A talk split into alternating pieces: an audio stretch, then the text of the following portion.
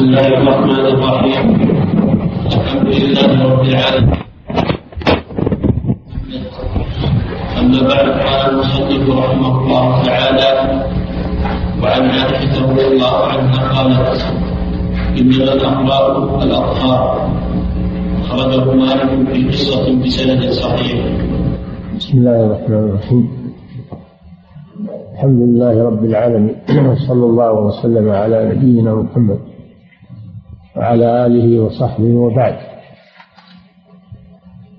هذا الحديث عن عائشة رضي الله عنها قالت الأقراء الأطهار.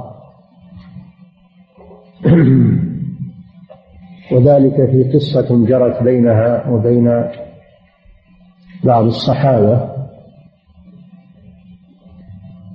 قد حصل بين عائشة وبين بعض الصحابة اختلاف في تفسير القرآن. الله جل وعلا يقول والمطلقات يتربصن بأنفسهن ثلاثة قروء. والقروء جمع قرء أو قرء. والقرء في اللغة له معنيان المعنى الأول لا المراد به الحيض. المعنى الثاني المراد به الطهر. فهو من الأصداد. يعني يطلق على هذا وعلى هذا. والآية مجملة لأن لفظ القرء مجمل. هل هو الطهر أو الحيض؟ لأن هذا يسمونه اللفظ المشترك. اشترك بين معنيين. بناء على هذا الاشتراك اختلف العلماء في المراد به فمنهم من فسره بأنه بأنه الطهر كما قالت عائشة رضي الله عنها. وهو مذهب الإمام مالك والشافعي وجماعة من من العلماء. والقول الثاني أن المراد به الحيض وهذا مذهب أحمد وأبي حنيفة وجماعة كثيرة من أهل العلم على أن المراد به الحيض. وكل قول له أدلة. الذين ذهبوا إلى أنه الطهر كعائشة رضي الله عنها استدلوا على ذلك لأن الله تعالى قال يا أيها النبي إذا طلقتم النساء فطلقوهن لعدتهن. وقد فسر النبي صلى الله عليه وسلم الآية بأن المراد أن تطلق طاهرة من غير مسيس. فدل على أن القرء هو الطهر. والذين ذهبوا إلى أنه الحيض استدلوا بقوله تعالى واللائي يئسن من المحيض من نسائكم. إن ارتبتم فعدتهن ثلاثة أشهر واللائي لم يحض. الله جعل الأشهر الأشهر بدل الحيض. فدل على أن المراد بالقرء أو بالأقرأ ثلاثة قروء أي ثلاث حيض. جعل بدل كل حيضة شهرا. هذا دليل واضح. أن المراد بالقروء الحيض. فإن أيست منها لصغر أو كبر فإنها تعتد بدلها بالأشهر. أيضا الحديث الذي سيأتي أن عدة الأمة حيضتان حيضتان. قوله صلى الله عليه وسلم في السبايا لا توطأ حامل لا لا توطأ حائل حتى تحيض حيضة ولا حامل حتى تضع. هذا دليل أيضا على أن غير الحامل عدتها بالحيض. حتى تحيض حيضة فالذي يظهر الله أعلم رجحان القول الثاني أن المراد بالقروء الحيض لهذه الأدلة. لهذه الأدلة. أن الله جعل الأشهر بدل الحيض فدل على أن الأصل هو الحيض. واللائي يئسن من المحيض. من نسائكم إن ارتبتم فعدتهن ثلاثة أشهر. واللائي لم يحضن. لصغرهن مثلا أو لعدم نزول الحيض عليهن. كذلك اعتددن بثلاثة أشهر. فدل على أن الأصل في العدة هو الحيض. هذا هو الذي يظهر والله أعلم. وهو مذهب الحنابلة. أن المراد بال أن المراد بالقروء الحيض. فإن لم تكن تحيض فإنها تعتد بالأشهر. بدل كل حيضة شهر. ثلاثة أشهر كما قال تعالى. نعم. وعن ابن عمر رضي الله عنهما قال طلاق الأمة تطليقتان وعدتها حيضتان رواه قطني وأخرجه مرفوعا وضحكه. وأخرجه أبو داود والترمذي وابن ماجه في حديث عائشة رضي الله عنها. صححه الحاكم وخالفوا اتفقوا على ضعفه وهذا الحديث من أدلة القول الثاني. من أدلة القول الثاني أن المراد بالقروء الحيض. لأنه صلى الله عليه وسلم قال وعدتها حيضتان.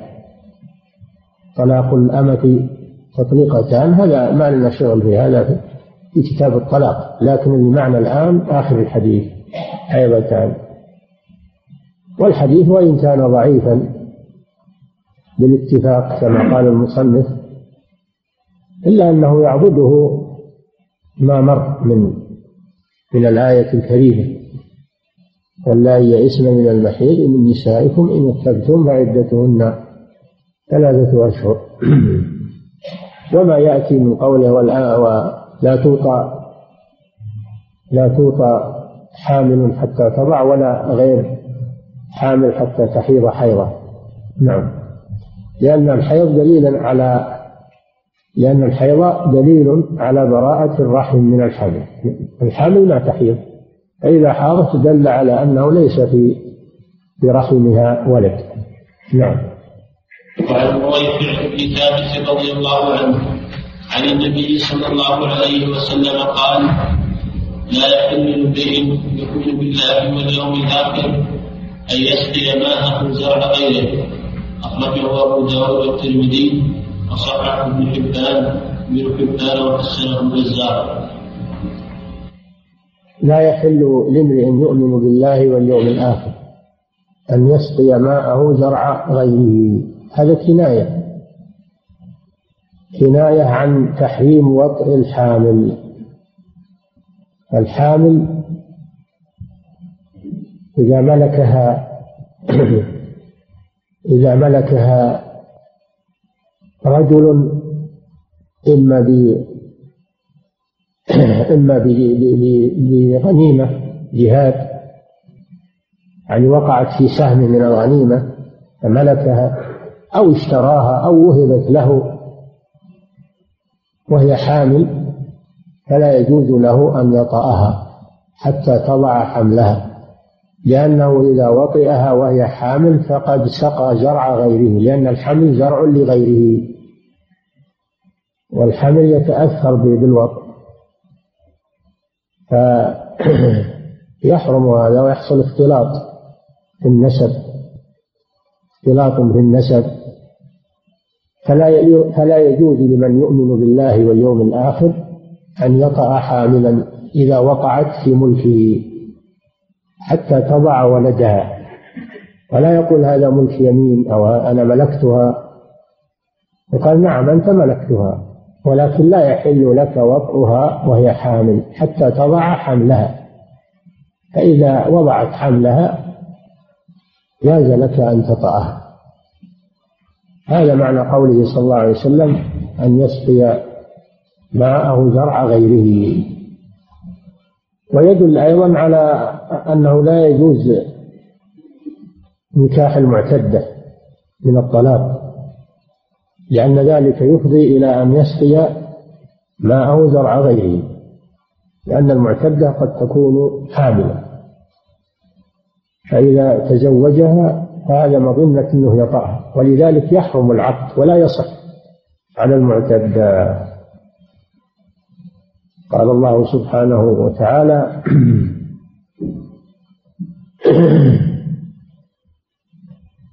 قال الله سبحانه وتعالى ولا تعزموا عقدة النكاح حتى يبلغ الكتاب أجله. قال جل وعلا ولا جناح عليكم فيما عرضتم به من خطبة النساء أو أكننتم في أنفسكم. يعني المعتدات علم الله أنكم ستذكرونهن ولكن لا تواعدوهن سرا إلا أن تقولوا قولا معروفا. ولا تعزموا عقدة النكاح حتى يبلغ الكتاب أجله أي تنتهي العدة. يحرم التصريح بخطبة بخطبة المعتد. تحرم الخطبة فكيف بالعقد؟ لأن الخطبة وسيلة إلى العقد والعقد وسيلة إلى الوطن. فيحرم تحرم الخطبة ويحرم العقد وقت العدة. حتى تنتهي لئلا تكون حاملا من المطلق أو من الميت إن كانت معتدة من وفاة. وأما الكناية في الخطبة من غير تصريح فلا بأس. كان يقول أنا أريد أن أتزوج أنا أرغب في زوجة مثلك أو كذا يعرض لها تعريضا ولا جناح عليكم فيما عرضتم. تعريض لا بأس لكن التصريح كأن يقول أريد أن أتزوجك أنا أخطبك من نفسك أو ما أشبه ذلك أو يخطبها من من وليها وهي معتدة هذا حرام. هذا حرام ولا يجوز. والعقد من باب أولى وهي معتدة. ولا يصح. لو عقد عليها فالعقد باطل وهي معتدة. ولا تعزموا عقدة النكاح حتى يبلغ الكتاب أجله. وهذا الحديث من كان يؤمن بالله واليوم الآخر فلا يسقي ماءه زرع غيره. يشمل هذا أيضا. يشمل المعتدة من طلاق أو من وفاة. هو الأصل أنه في الأمة لكن يشمل أيضا الحرة المعتدة. فلا يجوز له أن يخطبها ولا أن يعقد عليها حتى تنتهي عدتها لئلا تكون حاملا. والعدة إنما جعلت من أجل براءة الرحم من الحمل. وهذا فيه حفظ للأنساب لئلا تختلط الأنساب. وفيه حرمة للزوج الأول المطلق أيضا. نعم. وعن عمر رضي الله عنه امرأة المفقود تربصوا أربع سنين ثم تعتدوا أربعة أشهر وعشرة. وعن نعم. هذا الحديث امرأة المفقود. والمفقود هو الذي خفي خبره. هو الذي خفي خبره. فلا تعلم له حياة ولا موت. هذا هو المفقود. إذا كان له زوجة ماذا تعمل؟ هو خطب وله زوجة. فماذا تعمل زوجته؟ ما يدرى هو حي ولا ميت؟ هو حي فتبقى وتنتظر أو ميت فتعتد وتتزوج الأمر مشكل وقعت هذه الحادثة في وقت عمر رضي الله عنه في خلافة عمر فقد رجل في خلافة عمر اختطفته الجن وخفي خبره ولم يعلم وين راح فشكت امرأته إلى إلى عمر رضي الله عنه. فأمرها أن تنتظر أربع سنين. ثم إذا مضت أربع سنين تعتد عدة الوفاة لأنه إذا مضت أربع سنين ولم يأتي له خبر هذا يغلب على الظن أنه ما هو موجود لأنه لو كان حيا لجاء خبره أو جاء هو. فإذا مضت هذه المدة هذا ضربها عمر الخليفة الراشد. ولم يتبين له خبر ولم يأتي هذا دليل على أنه يغلب على الظن أنه ليس على قيد الحياة. فتعتد أربعة أشهر عشرة أيام عدة الوفاة ثم تتزوج. والعلماء مختلفون في هذه القضية هي في الحقيقة مشكلة لأن الأصل بقاء النكاح والأصل حياة الزوج هذا هو الأصل. ولا يخرج عن هذا الأصل إلا بيقين فكيف نعمل؟ العلماء اختلفوا في هذا على قولين. القول الأول هو مذهب الإمام أحمد كما هو موجود في كتب الفقه والفرائض أن المفقود له حالتان. الحالة الأولى أن أن يغلب عليه الهلاك. أن يغلب على غيبته الهلاك كمن فقد بين الصفين في القتال أو خرج من بيته ولم يرجع. خرج من بيته يجيب له حاجة ولم يرجع أو راح يصلي ولم يرجع. هذا الغالب عليه الهلاك لأنه لو كان لو كان سليما لأتى أو فقد بين الصفين القتال هذا يغلب عليه الهلاك لأنه لو كان موجودا لتبين. أو كان أو كان الوقت وقت وباء البلد فيه وباء فيه موت طاعون وفيه موت وفقد هذا يغلب عليه الهلاك انه يصيب بالموت. قالوا فهذا يضرب له أربع سنين كما فعل عمر رضي الله عنه. الغالب عليه الهلاك فيضرب له أربع سنين احتياطا فإذا مضت ولم يتبين له خبر فإنه يحكم بموته بناء على غلبة الظن. يحكم القاضي القاضي هو اللي يحكم. يحكم بموته بناء على غلبة الظن. وغلبة الظن تنزل منزلة اليقين في كثير من الأحكام. وكما فعل عمر في هذا الحديث. الحالة الثانية أن يكون الغالب عليه السلامة. الغالب عليه السلامة. فمن خرج لتجارة أو ذهب لسياحة يغلب عليه السلامة. فهذا ينتظر إلى تمام تسعين سنة من حين ولد. لأن, لأن هذا منتهى العمر. فإذا مضى تسعين سنة عليه منذ ولد فإنه يحكم بموته لأن الغالب أنه لا يعيش بعد التسعين. ثم تعتد زوجته. ما هو تسعين سنة من حين فقد؟ لا من حين ولد. افرض أنه هو أنه فقد وهو بن سبعين. كم ينتظر؟ عشرين سنة. افرض أنه فقد وهو ابن خمس وثمانين. كم ينتظر؟ خمس سنين. افرض أنه فقد وهو ابن تسع وثمانين سنة. كم ينتظر؟ انتظر سنة. هي. تمام تسعين سنة منذ ولد. لأن الغالب أنه ما يعمر أكثر من تسعين تسعين سنة. فمضي التسعين من ولادته يدل على أنه غير موجود. فإذا مضت تسعين سنة من ولادته يختم بموته يحكم القاضي بموته. وتعتد زوجته وتوزع تركته. على قسمة ميراث المفقود كما هو موجود في الفرائض. هذا قوله. القول الثاني أنه يرجع فيه إلى اجتهاد الحاكم. إذا فقد يرجع فيه إلى اجتهاد الحاكم. الحاكم يجتهد بدون تفصيل سواء غالبه السلامة أو غالبه الهلاك. يرجع فيه لأن هذا ما فيه نص.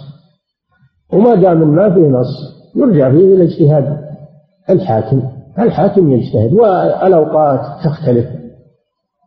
الأوقات تختلف. مثلا في عصرنا تقاربت الدنيا متوسل متيسرت وسائل النقل ووسائل الإعلام وصار يدرى عن الإنسان له في أقصى الدنيا. وبالإمكان مثلا سؤال السفراء في الدول والاتصال بالدول بسرعة والبحث عنه. فوقتنا هذا يختلف عن الأوقات السابقة. الأوقات السابقة ما في سفر إلا على الرواحل ولا فيه برقيات ولا فيه سلكيات ولا لا سلكيات ولا ولا فيه وسائل وسائل اتصال سريعة ولا وسائل نقل سريعة والأقطار متباعدة. فهذا يرجع إلى اجتهاد الحاكم في كل وقت بحسبه. يجتهد الحاكم؟ ويضرب مدة فإذا مضت المدة وأيضا يعلن تعلن المحكمة وينشر الإعلان هل فلان موجود أو ما هو موجود إلى آخره. فإذا مضت مدة يعينها الحاكم ولم يعلم له شيء فيحكم الحاكم بموته وتعتد زوجته. وإذا انتهت عدتها تتزوج وتقسم تركته هذا هو الراجح. الراجح أنه يرجع فيه إلى اجتهاد الحاكم لأن الأوقات تختلف. ويختلف الاجتهاد في كل وقت بحسبه. ولأنه لا دليل على تقسيمنا هذا التقسيم إلى مغالبه سلامة ومغالبه هلاك ما في دليل على هذا. فيرجع إلى اجتهاد الحاكم. هذا هو الصحيح إن شاء الله لكن لو أنه حكم الحاكم بموته تزوجت امرأته ثم جاء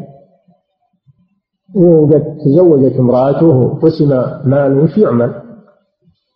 جاء هو الآن يخير إن شاء أخذ الصداق الذي دفعه لها وتبقى مع زوجها الثاني وإن شاء استرجعها وإن شاء استرجعها بالعقد الأول ويرد إليه ماله يرد إليه ماله.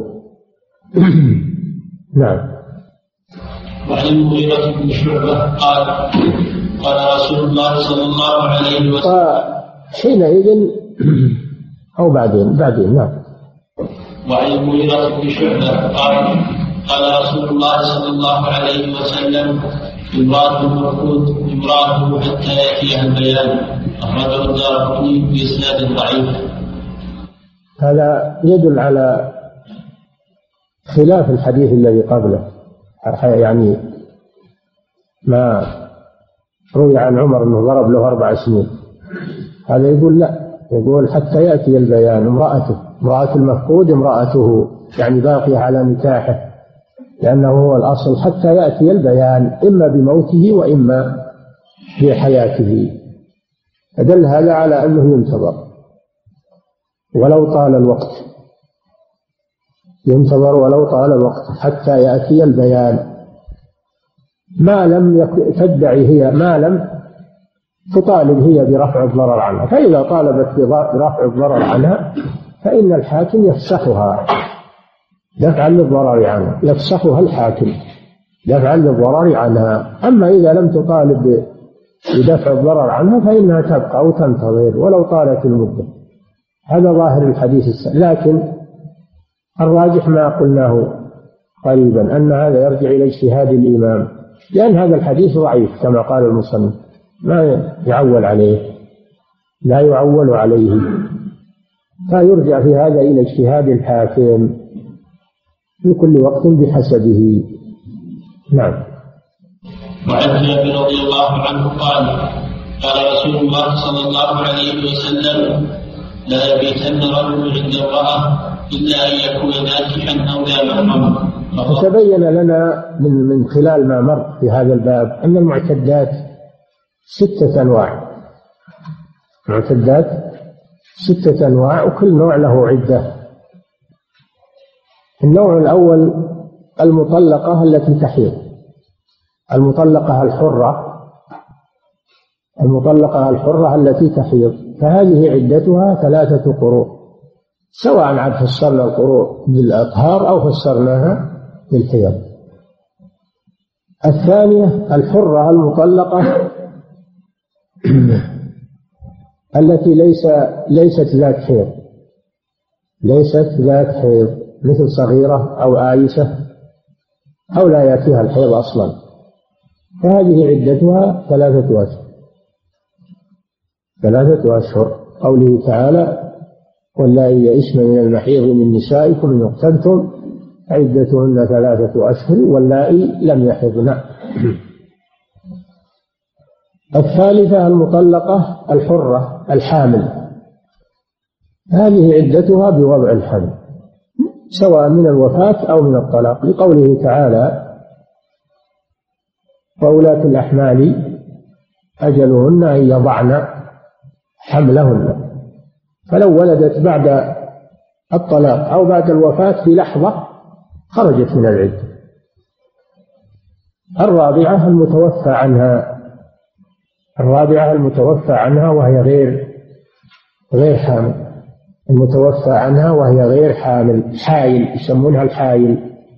هذه عدتها أربعة أشهر وعشرة أيام. قوله تعالى والذين يتوفون منكم ويذرون أزواجا يتربصن بأنفسهن أربعة أشهر وعشرة.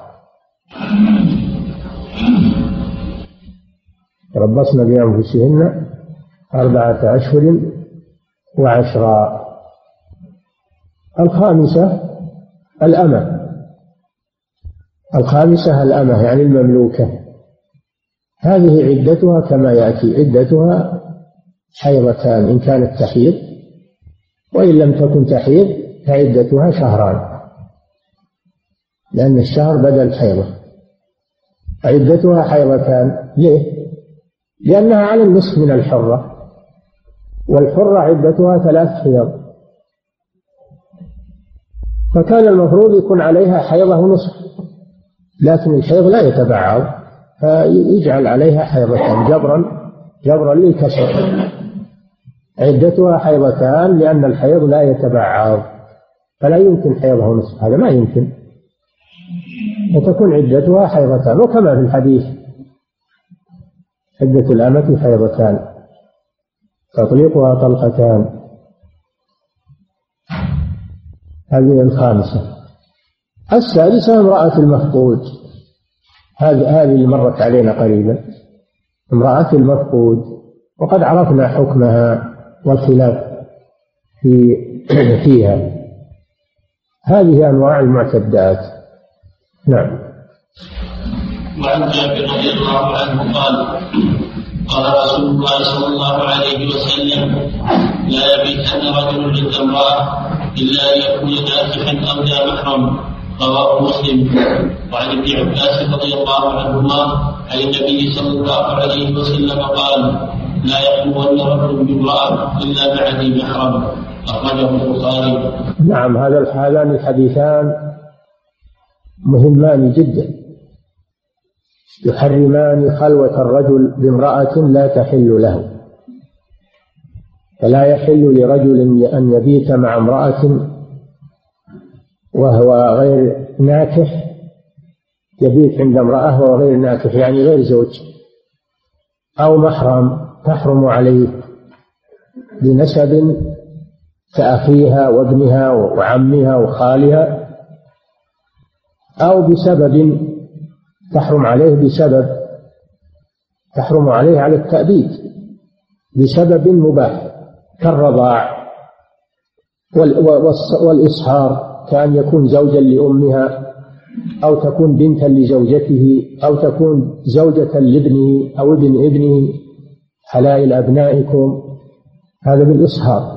أو بالرضاع كأن تكون أخته من الرضاع أو أمه من الرضاع أو بنته آه، من الرضاع أو ربيبته. فلا يحل له أن يبيت عندها. وهو غير زوج وغير وغير محرم.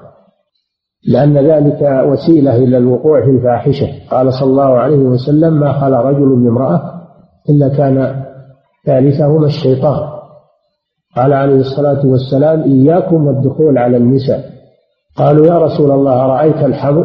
وهو قريب الزوج قال الحمو الموت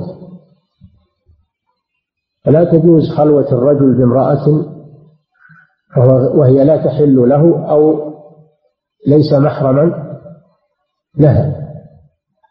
لأن ذلك وسيلة إلى الوقوع في الفاحشة لأنه يحضر الشيطان بينهما. ولا يقول أنا أنا ما يمكن أني أقع في هذا الأمر.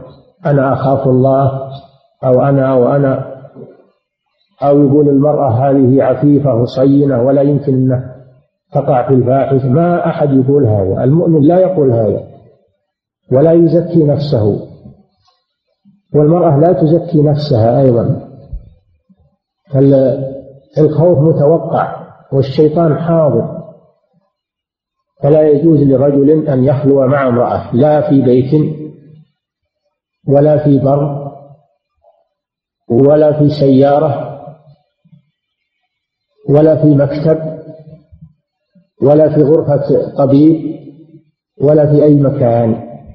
لا يحل لرجل أن أن يخلو مع امرأة وهو غير زوج لها أو غير محرم لها في أي نوع من الخلوة لما في ذلك من من المحذور العظيم. وهذا تساهل فيه الناس اليوم. صارت المرأة تركب مع السائق تذهب إلى حيث تشاء صارت المرأة تتوظف سكرتيرة مع المدير أو مع الطبيب وتخلو معه في مكتبه صارت المرأة تدخل على الطبيب ويكشف عليها ما عندهم أحد. وتقول الطبيب موثوق والطبيب وهذا هذه ضرورة وما أشبه ذلك. تدخل المرأة على صاحب المتجر ما فيه أحد المتجر ما فيه إلا إلا إلا إلا صاحب المتجر أو المستخدم الذي عنده. تخلو معه وتكلمه وتكشف وجهها عنده وذراعيها كأنه ابنها ولا زوجها. وهذه أخطار تحيط بالمسلمين. فيجب على المسلمين أن يتنبهوا لمحارمهم وأن يصونوا محارمهم وأن يتقوا الله سبحانه وتعالى هذه الأمور. ولا يبنوا على الثقة. النبي صلى الله عليه وسلم يقول إلا كان ثالثهم الشيطان. لا يبنون على الثقة أو يبنون على التقليد لأن هذا شيء عليه الناس أو يقولون هذا دعت إليه الضرورة. ما في ضرورة. الضرورة الضرر هو هذا. هذا هو الضرر. أو يقولوا إن إن الناس تجاوزوا مثلا الجهل وتعلمت المرأة وعرفت ولا عليها خطر لأنها عرفت وتعلمت. إنما هذا يوم كانت المرأة ما تعلمت ولا تعرف الأمور هذه. كل هذا من من وساوس الشيطان. والحديث عام في كل زمان ومكان. كلام الرسول الذي لا ينطق عن الهوى عليه الصلاة والسلام. وهو عام لكل زمان وكل مكان وكل مسلم ومسلمة إلى أن تقوم الساعة. فلا تجوز خلوة رجل مع امرأة لا تحل له أو ليس هو محرما لها. مهما كانت الظروف ومهما كانت الأحوال. نعم. وعن أبي سعيد رضي الله عنه أن النبي صلى الله عليه وسلم قال في سبايا اوقاس لا توضع حامل حتى تضع ولا غير ذات حمل حتى تحيض حيضا. هذا في الاستبراء. انتهى العدد انتهت. انتقلنا إلى الاستبراء. والاستبراء معناه طلب براءة الرحم. طلب براءة الرحم. وهذا يكون في الإماء ملك اليمين يكون في ملك اليمين. فمن ملك فمن ملك رقيقة فإنه إن الله أباح له أن أن يتسرى بها أباح له نكاحها بملك اليمين. وملك اليمين أقوى من عقد النكاح إلا على أزواجهم أو ما ملكت أيمانهم. وملك اليمين يبيح المالك لمملوكته أقوى مما يبيح عقد النكاح. إن هذا ملك يمين. ولكن إذا ملكها بأي نوع من الملك؟ إما بقسمة من السبي أو بشراء أو بهبة أو بإرث ورثها. فإنه يتجنب وطئها حتى يستبرئها يستبرئها كيف؟ إن كانت حاملا يتركها حتى تضع الحمل وإن كانت غير حامل حتى تحيض حيضا. هذا هو الاستبراء. والاستبراء يكون لملك اليمين خاصة. وأوطاس أوطاس هي الغزوة المشهورة بغزوة حنين. لما غزا رسول الله صلى الله عليه وسلم هوازن قبيلة هوازن والتقوا في حنين وحصل القتال وانتصر المسلمون وسبوا سبايا وقسمت هذه السبايا على على المسلمين. عند ذلك قال النبي صلى الله عليه وسلم لا توطأ حامل حتى تضع ولا غير ذات حمل حتى تحيض حيضة. وقيل أوطاس هو حنين وقيل لا إنه واد غير وادي حنين بين مكة والطائف وهو مع هوازن. هو مع هوازن لأن هذه مساكن هوازن والغزوة حصلت على هوازن. ونصر الله المسلمين وغنموا منهم ومن جملة ما غنموا سبايا. ووزعها النبي صلى الله عليه وسلم على الغزاة وأعطاهم هذا الإرشاد. قال لا توطأ حامل حتى تضع ولا حائل حتى تحيض حيض. هذا هو الاستبراء لملك اليمين. نعم. وعن أبي هريرة رضي الله عنه عن النبي صلى الله عليه وسلم قال الولد للفراش وللعاهر الحجر متفق عليه من حديثه. ومن حديث عائشة في قصة وعن ابن مسعود عند النسائي وعن عثمان عند أبي داود. نعم. هذا الحديث أن النبي صلى الله عليه وسلم قال الولد للفراش وللعاهر الحجر. هذا له قصة وهو أن سعد بن أبي وقاص رضي الله عنه اختصم هو وعبد بن زمعة. اختصم في مولود. ولدته أمة. مولود ولدته أمة. أمة لجمعة. والد عبد بن زمعة مملوكة لجمعة. جمعة أبو سودة أم المؤمنين. كانت له مملوكة. وتوفي وولدت مولودا. وكان عتبة بن أبي وقاص أخي سعد بن أبي وقاص قد أوصى أخاه سعد رضي الله عنه لأن هذا الولد له ولد هذا الأمة له وأوصاه به. فسعد يدعي ان إن إن أخاه أوصاه به وأنه ولده وأن الشبه شبه أخيه. وعبده عبد بن جمه يقول هذا ولد أمة أبي ولد على فراشه فهو لنا فهو أخي. يدعي أنه أخوه وهذا يدعي أنه ابن أخيه. النبي صلى الله عليه وسلم قال الولد للفراش. إذا حكم به لمن؟ لعبد. حكم به لعبد بن زمعة. لأن الفراش لمن؟ لعبد لزمعة. لأن الفراش لزمعة والد عبد بن زمعة. وهذه قاعدة. هذه من جوامع الكلم. قاعدة في أن الولد يتبع الفراش يعني يتبع الزوج. فإذا كانت امرأة في عصمة رجل وولدت مولودا فإنه يلحق به. لأن هذا هو الأصل. الأصل أن الولد للفراش. الأصل أن الولد للفراش. فيبنى على الأصل.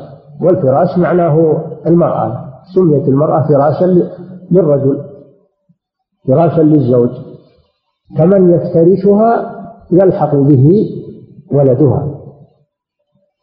هذا هو الأصل. وهذه قاعدة عظيمة. حتى ولو كان الولد فيه شبه من من شخص فلا يلحق لا يلحق به بمجرد الشبه. إذا تنازع الشبه والفراش فما الذي يغلب؟ الفراش. إذا تنازع الشبه والفراش يغلب الفراش. هذه قضية سعد وعبد. فسعد ادعى بالشبه وعبد ادعى بالفراش. النبي صلى الله عليه وسلم حكم بالفراش. هذا هو الأصل. هذا هو الأصل الشرعي والقاعدة الشرعية. قال وللعاهر الحجر. العاهر يعني الزاني من العهر. ويطلق العاهر على الرجل ويطلق على المرأة. الحجر قيل الحجر يعني الرجم. الرجم لأن الزاني المحصن يرجم. وقيل المراد بالحجر الخيبة والخسارة وليس له ولد. الزاني لا يلحق به أولاد. الزنا لا يلحق الأولاد بالزنات إنما يلحق ولد الزنا بأمه فقط ولا يلحق بالزاني. فلو زنى رجل بامرأة والعياذ بالله وأتت بولد بمن يلحق؟ يلحق بأمه ولا يلحق بالزاني ولو ادعاه ما يلحق به. ما يلحق به. الزنا لا يوجب نسبا وإنما يوجب الحد بالجلد أو الرجم. وليس له ولد. الزاني ليس له ولد. وولد الزنا يتبع أمه فقط. فهذا حديث عظيم. لكن الرسول صلى الله عليه وسلم قال لسودة احتجبي منه يا سودة. كيف يلحقه بأبيها ويقول احتجبي منه؟ ها؟ قال واحتجبي منه يا سودة. قالوا هذا من باب الاحتياط. قال احتجبي منه يا سودة نظرا للشبه. فهذا من باب الاحتياط ففيه العمل بالاحتياط في الشريعة. النبي صلى الله عليه وسلم يقول دع ما يريبك إلى ما لا يريبك. ويقول صلى الله عليه وسلم فمن اتقى الشبهات قد استبرأ لدينه وعرضه فقوله لسودة احتجبي منه هذا من باب الاحتياط نعم. باب الرضاعة يكفي. فضيلة الشيخ من عقد على امرأة وهي معتدة وما زالت امرأة له فليجدد العقد. نعم. من عقد على امرأة وهي معتدة وما زالت امرأة له فليجدد العقد. أم ماذا يفعل؟ معتدة معتدة منه ولا من غيره؟ إن كانت معتدة منه والبينونة بينونة صغرى فالعقد صحيح. له أن يعقد على مطلقته في العدة إذا كانت في البينونة بينونة صغرى. فله أن يعقد عليها في العدة لأن الماء ماؤه. أما البينونة الكبرى فلا حتى تنكح زوجا غيره. أما إن كان العاقد عليها غير المطلق فالعقد باطل وعليه أن يعتزلها. عليه أن يعتزلها. ويرجع في هذا إلى المحكمة. إنما نصدر حكم على العقود الموجودة لأن هذا يرجع فيه إلى المحكمة لأجل آه، دراسة الموضوع والتثبت من الأمر.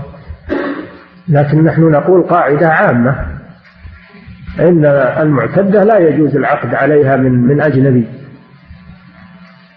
فإن عقد عليها فعقده باطل. أما إن كان العاقد عليها هو المطلق نظرنا. فإن كان الطلاق طلاقا بائنا بينونة صغرى فالعقد صحيح. وإن كان الطلاق بائنا بينونة كبرى فالعقد باطل. حتى تنكح زوجا غيره. نعم. فضيلة الشيخ كيف تحسب مدة الإحداث إذا مات من أول الشهر أو وسطه أو آخره أربعة أشهر وعشرة أيام. يعني 130 يوم. 130 يوم. لأن هي ما تشوف الأهلة وتبني على الأهلة. هي تعتد بالحساب لا بالأهلة. فتعتد 130 يوما. نعم.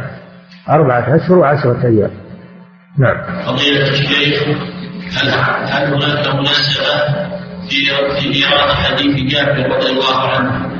لا يبيتن رجل وحديث ابن عباس لا يخلون رجل في باب العدة أي نعم هناك مناسبة وهو لما كان الكلام في النساء والمعتدات ناسب أن يذكر الخلوة لأن هذا مما يتعلق بالنساء وأحكام النساء.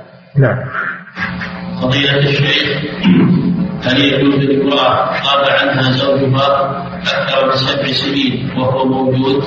هل يجوز لها أن تطلب منه الطلاق؟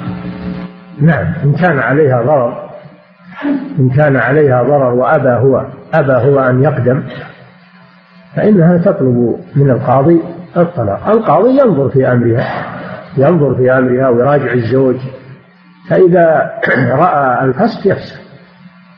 يراجع يلازمه مراجعة الزوج من طريق القاضي. نعم. فضيلة الشيخ هل يجوز للرجل الجلوس مع زوجة أخيه للضرورة وهي معها أبناؤها وهم أطفال دون سن العاشرة؟ لا ما يجوز هذا. ما تزول الخلوة إلا ببالغ. ما تزول الخلوة إلا ببالغ. أما الطفل فلا تزول به الخلوة. ولو كانت زوجة أخيه. قال صلى الله عليه وسلم لما سئل عن الحمل قال الحمل موت يعني خطرها أشد. وأخو الزوج ما هو الحمل. نعم. فضيلة الشيخ إذا اجتهد الحاكم أو القاضي وقضى بهلاك الزوج في هذا الزمان فهل لازم فهل لازم زوجته أن تعتد إلى أن يبلغ عمر عمر زوجها 90 سنة أم لا؟ ما إذا حكم بموته تعتد للوفاة. هي تنتظر تعتد للوفاة. حكم القاضي بموته بناء على غلبة الظن وبعد الاجتهاد والبحث. فإنه تلزمها العدة عدة الوفاة أربعة أشهر وعشرة أيام. ولا تنتظر. نعم. قضية الشيخ من اشترى أمه فهل له التمتع بها أم لا بد من عقد وصداق وهل له حد معين؟ نعم. من اشترى أمه فهل فهل له التمتع بها أم لا بد من عقد وصداق وهل له حد معين؟ أم يكون ما شاء؟ كيف هذا؟ إذا ملك أمة فإنه نعم له التمتع بها؟ إذا ملك أمة ملك يمين فله التمتع بها وله وطئها و... و... التسري بها لأنها ملك يمينه ولا تحتاج إلى عقد الملك أقوى من العقد إلا على أزواجهم أو ما ملكت أيمانهم ملك يمين. تباح له أكثر مما تباح له زوجته. نعم. فضيلة الشيخ ما الحكم لو اشترى جارية حامل ثم باشرها ولكن فيما دون الفرج فلم يولد؟ هل يجوز له ذلك؟ لا يجوز له ذلك. يتجنبها حتى تضع مولودها لأن مباشرتها تدعو إلى إلى جماعها فيبتعد عن هذا. نعم. فضيلة الشيخ ما حكم من يخرج من بلاده سعيا في طلب الرزق ويغيب عن زوجته أكثر من عشر سنين. مع العلم بأنه يقوم بالنفقة عليها شهريا. إذا رضيت هي بذلك وسمحت له فلا بأس. وكان هو محتاجا إلى الكسب وإلى وهي رضيت بذلك وسمحت فلا بأس بذلك. لكن مع هذا ينبغي له أن أن يذهب إليها بين حين وآخر لئلا تتحرج أو يكون عليها خطر من غيبته تفقد أحوالها ونظم أمورها. فلا واليوم الحمد لله يعني وسائل النقل متيسرة وسريعة ما فيه مشقة.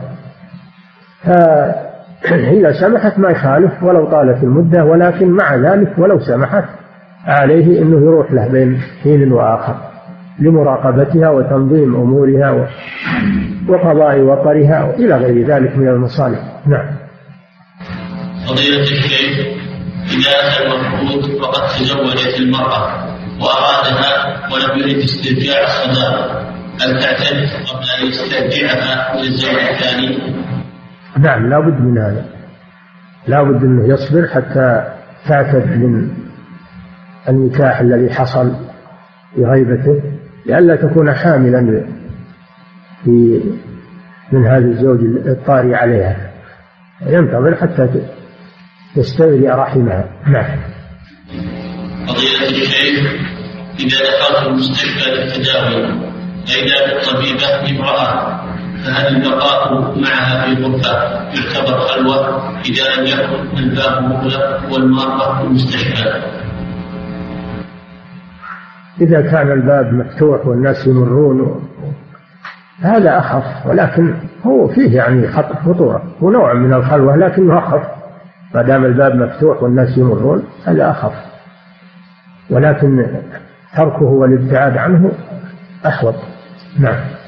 أما لو كان الباب مغلقا وليس في الغرفة إلا أنت وامرأة طبيبة أو ممرضة أو غير هل هذا لا يجوز هذه هي الخلوة. نعم. فضيلة الشيخ إذا زنى رجل بامرأة فحملت ثم ولدت ثم تزوجها ثم تزوجها. إذا إذا إيش؟ إذا زنى رجل بامرأة فحملت ثم ولدت ثم تزوجها ثم تزوجها الرجل الذي زنى بها. فهل يحكم الولد بأبيه؟ وقد اعترف بذلك؟ لا. ولد الزنا لا يلحق إلا بأمة فقط. ولا يلحق بأحد من الرجال. يلحق بأمه فقط. ولا يجوز ليتزوجها لا هو ولا غيره حتى تتوب. حتى تتوب من الزنا وتعتد يعني بشرطين الشرط الأول أن تتوب من الزنا. توبة صحيحة. والشرط الثاني أن تعتد بعد بعد التوبة. نعم. وأما ولد الزنا فلا ينسب إلى أحد إلا إلى أمه فقط. نعم. فضيلة الشيخ ما حكم عقد النكاح في حالة تزويج الزوج الزوجة؟ ما حكم عقد النكاح في حالة تزويج الزوجة وهي كارهة. وهل إذا رضيت بعد عقد النكاح هل يؤثر عدم رضاها؟ هذا سبق لكم أن أنه إذا زوجت بغير رضاها أن لها الخيار. الرسول صلى الله عليه وسلم أعطاها الخيار لأن إن شاءت تمضي العقد وتستمر معه وإن شاءت تفسخ فلها الفسخ. نعم. فضيلة الشيخ هل يجب على المرأة لبس القفاز لبس القفازين إذا خرجت إلى السوق وكذلك ما قدميها؟ يجب على المرأة أن تستر نفسها أن تستر نفسها عند الخروج. بما في ذلك الكفان والقدمان والوجه وجميع بدنها سواء بالقفازين والشراب أو بالثياب.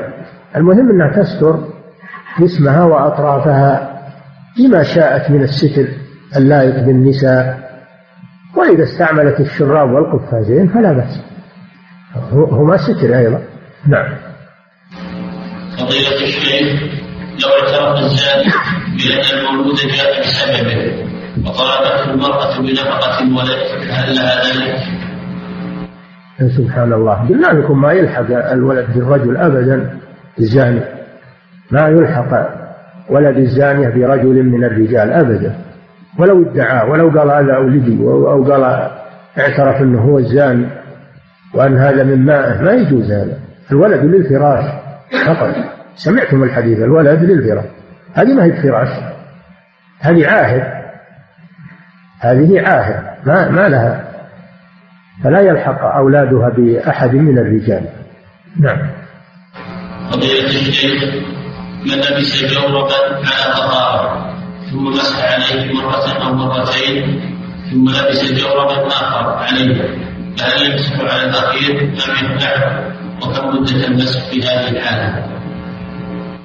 الفقهاء يقولون إذا بدأ المسح على الخف ولبي أو الجورب ولبس فوقه آخر فالمسح يكون على الأول على الذي بدأ المسح عليه ولا يكون على الطبقة الثانية يكون على الأول. فإذا أراد يمسح يخلع الأول ويمسح على التحتاني حتى يكمل المدة. أما لو لبس الخف الثاني أو الجورب الثاني قبل المسح الأول يتوضأ على طهارة ولبس على رجله الخف أو الجورب ثم قبل أن يمسح لبس ثانيا فإنه يمسح على الأعلى. الحكم لما للذي بدأ المسح عليه. هذه قاعدة. الحكم للذي بدأ المسح عليه. فإن كان بدأ المسح على التحتاني صار الحكم له. وإن بدأ المسح على الفوقاني صار الحكم للفوقاني نعم. ما صفة الدعاء للميت عند قبره كما قال النبي صلى الله عليه وسلم اسألوا استغفروا لأخيكم هذا إذا كان عند بعد الدفن مباشر. استغفروا لأخيكم واسألوا له التثبيت فيقال اللهم اغفر له اللهم ثبته اللهم اغفر له اللهم ثبته ويكرر هذا الدعاء. أما عند الزيارة بعد الدفن فيدعو بما تيسر من أنواع الأدعية اللهم اغفر له وارحمه وعافه واعف عنه. واعيه من عذاب القبر ومن عذاب النار ويدعو له بما تيسر. نعم.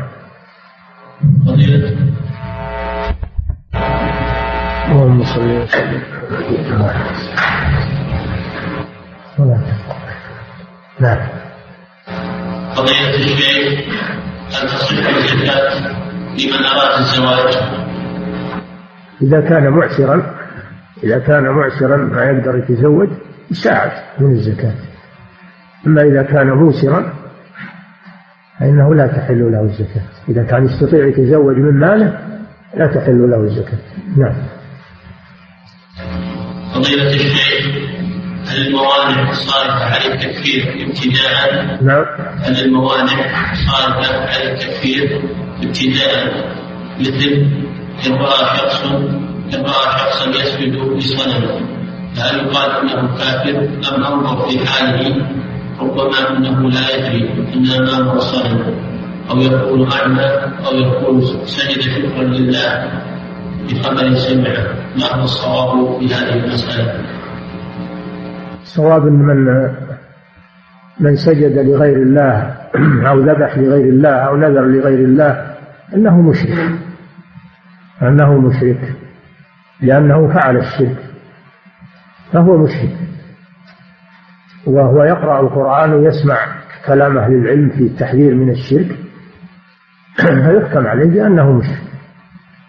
فإن تاب إلى الله وترك هذا الأمر فإنه يتوب الله عليه.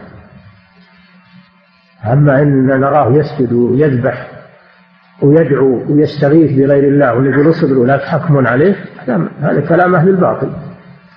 إحنا نحكم على الظاهر. إحنا ما لنا إلا نحكم على الظاهر وهو يعيش بين المسلمين ويسمع القرآن ويسمع كلام أهل العلم ويسمع التحذير من الشرك ولا يسأل ولا يبحث. ونقول هذا اصبروا عليه لا هذا من من الجهل بالأحكام الشرعية. وهذه مسألة أثاروها في هذا العصر عن جهل وعن عدم بصيرة وعدم علم. وهذه نتيجة التعالم وعدم طلب العلم على أهله. صاروا يتخرجون على أنفسهم وعلى كتبهم بدون أنهم يتعلمون على أهل العلم وأهل البصيرة صاروا يتخبطون في هذه الأمور نعم أين توضع المصاحف على القبر؟ نعم أين توضع المصاحف على القبر؟ هل توضع على اللحد؟ هل توضع في وسط القبر؟ المصائب كما هو معروف ومعمول به توضع على أطراف القبر على حدوده من أجل يعرف أنه قبر وتعرف حدوده فلا ينتهى المصائب نعم. فضيلة الشيخ السنة للإمام الحضور عند إقامة الصلاة أم الحضور في أول الوقت بعد الأذان؟ كله جائز. هذه يتبع الأسهل عليه. إذا حضر من أول الوقت وجلس ينتظر ويقرأ القرآن ويصلي هذا طيب. وإن بقي في بيته أو كان له شغل وحضر عند الإقامة فلا بأس. كما كان النبي صلى الله عليه وسلم يفعل. كان يخرج وتقام الصلاة يخرج من بيته وتقام الصلاة. نعم. فضيلة الشيخ هل يجوز تشبيك الأصابع بين صلاة المغرب والعشاء وقبل الأذان؟ تشبيك الأصابع لا يجوز. لمن ينتظر الصلاة. لا يجوز في أثناء الصلاة ولا يجوز لمن ينتظر الصلاة. هذا لا يجوز. أما بعد الصلاة إنسان ما ينتظر الصلاة صلى وخلاص انتهى ولا ينتظر صلاة ثانية فهذا يجوز له يشبك بين أصابعه كما فعل النبي صلى الله عليه وسلم. نعم. فالتشبيك إنما يمنع قبل الصلاة هو في أثناء الصلاة. أما بعدها من غير انتظار لصلاة ثانية فلا بأس به. نعم. فضيلة الشيخ هل يجوز استخدام كاسات المساجد كالحرم مثلا؟ هل؟ يجوز استخدام كاسات المساجد كالحرم مثلا التي وضعت للشرب لتوزيع التمر؟ توزيع التمر على من بالمسجد؟ لا هي لما خصصت له لما هي تستعمل لما خصصت له وهو الماء وهو شرب الماء. لأنها أوقاف تستعمل لما خصصت له ولا تستعمل لتوزيع التمر أو جمع العبس أو كما يفعل بعض الناس. نعم.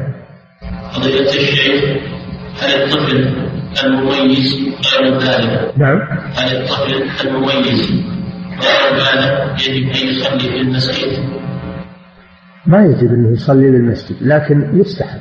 يستحب أنه يصلي بالمسجد لأجل يعتاد الصلاة ويألف المسجد ويتأدب مع الجماعة يعرف يعني كيف يصلي صلاة الجماعة. تدريب هذا من باب التدريب له. نعم. ولكن الوجوب لا يجب عليه ذلك. نعم. فضيلة الشيخ ما حكم الصلاة خلف الإمام الذي يصلي ويصوم ولكن يقول بأن الله موجود في كل مكان؟ لا تحل الصلاة خلفها لأن هذا كفر هذا حلول هذا مذهب الحلولية. هذا مذهب الحلولية. فهذا كفر بالله عز وجل. فلا يجوز الصلاة خلفه. هذا حلولي والعياذ بالله. نعم. فضيلة الشيخ خرج جماعة إلى البر مسافة أقل من مسافة القصر لعدة أيام. وتخلل خروجهم يوم الجمعة. فهل يجب عليهم الرجوع لصلاة الجمعة في البلد أو يجوز لهم صلاتها أخرى في مكانهم؟ إذا كان البلد بعيدا عنهم ولا يسمعون الأذان فهم بالخيار. إن شاءوا ذهبوا صلوا الجمعة وهذا أفضل لهم وأحسن وإن شاءوا صلوها ظهرا في مكانهم. أما إذا كانوا قريبين من البلد يسمعون الأذان وحولهم جامع فيجب عليهم أن يصلوا الجمعة مع المسلمين. نعم. فضيلة الشيخ ما حكم الإعجاب بين فتاة وفتاة في مجتمع النساء مثلا كالجامعة. والبعض من الأخوات من الأخوات يقول إعجاب على أساس الأخلاق والأدب والاحترام والبعض على أساس الشخصية والمظهر الخارجي. الآن فشت في مدارس البنات فيما نسمع في تجمع النساء مسألة العلاقة علاقة الحب. فيما بينهم والعشق فيما بينهم هذا حرام. هذا حرام مسألة علاقة العشق وعلاقة الغرام والحب. هذا يسبب مشاكل فلا يجوز للنساء هذا الشيء. لأن هذا يسبب مشاكل ويسبب الوقوع في الفواحش يسبب أمورا محرمة. نعم. الشيخ كنا نسمع أنه فشى في علاقة الغرام وعلاقة الحب فيما بينهم وقد يحصل منهم استحاء بعضهم مع بعض بسبب هذا الشيء ويثير هذا شهواتهم فيما بينهم. هذا حرام. هذا فتنة والعياذ بالله. نعم. على المرأة أنها تغض بصرها. تغض بصرها إذا سبب لها هذا هذا الغرام وهذا العشق.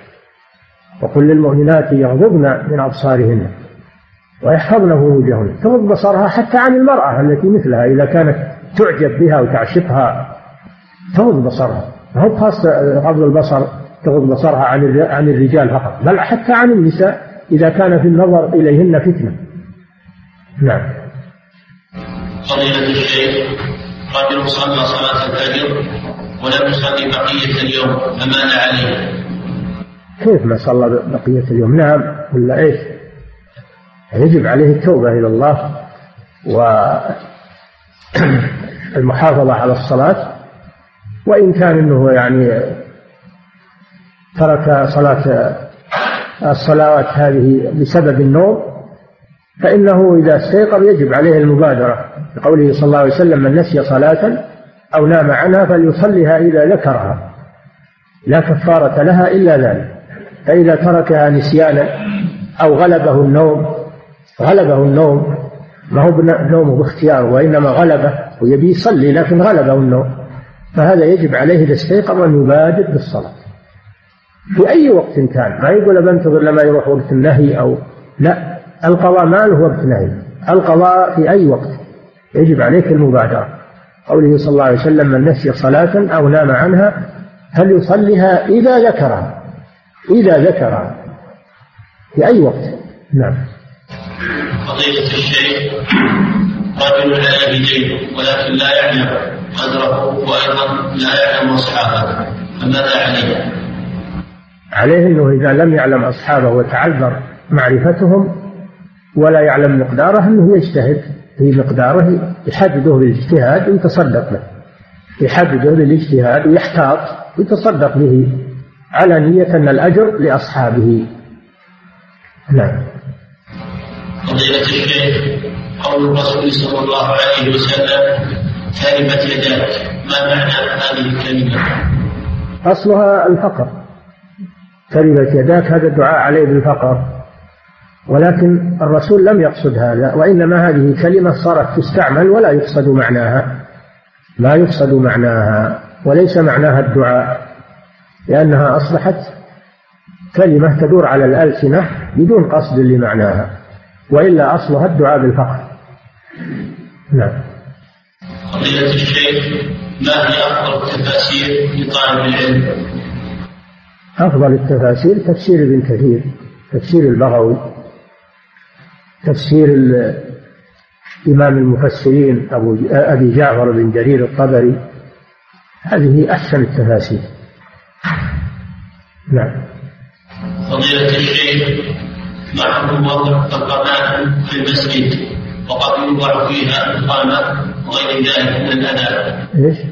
ما حكم وضع القمائم في المسجد؟ القمائم نعم يعني وضع اسطول للقمائم أو صناديق للقمائم تجمع فيها القمائم هذا لا يجوز لأن هذه الصناديق وهذه السطول تتجمع فيها القاذورات ويحصل منها روائح كريهة وربما إنها تمتلي. فلا فلا يجوز هذا الشيء. الواجب إن المساجد تنظف عن هذه الأمور ولا تكون مجمع قمائم نعم. فضيلة الشيخ إذا توفي الرجل قبل الظهر هل المرأة تحسب هذا اليوم من العدة وكذلك لو مات بعد المغرب؟ هل يحسب ذلك اليوم؟ 120 يوم ابتداء من وفاته إلى مثل ذلك تلك الساعة التي مات فيها. تبدأ من الساعة التي مات فيها. تحسب 120 يوم بداية من وفاته إلى أن تأتي الساعة التي مات فيها تمام 130 يوم. نعم. فضيلة الشيخ زوجان حصل بينهما فرقة فلمن تكون حضانة الأولاد إذا كانوا بالغين. لمن حكم بها القاضي له يرجع فيها للقاضي. نعم.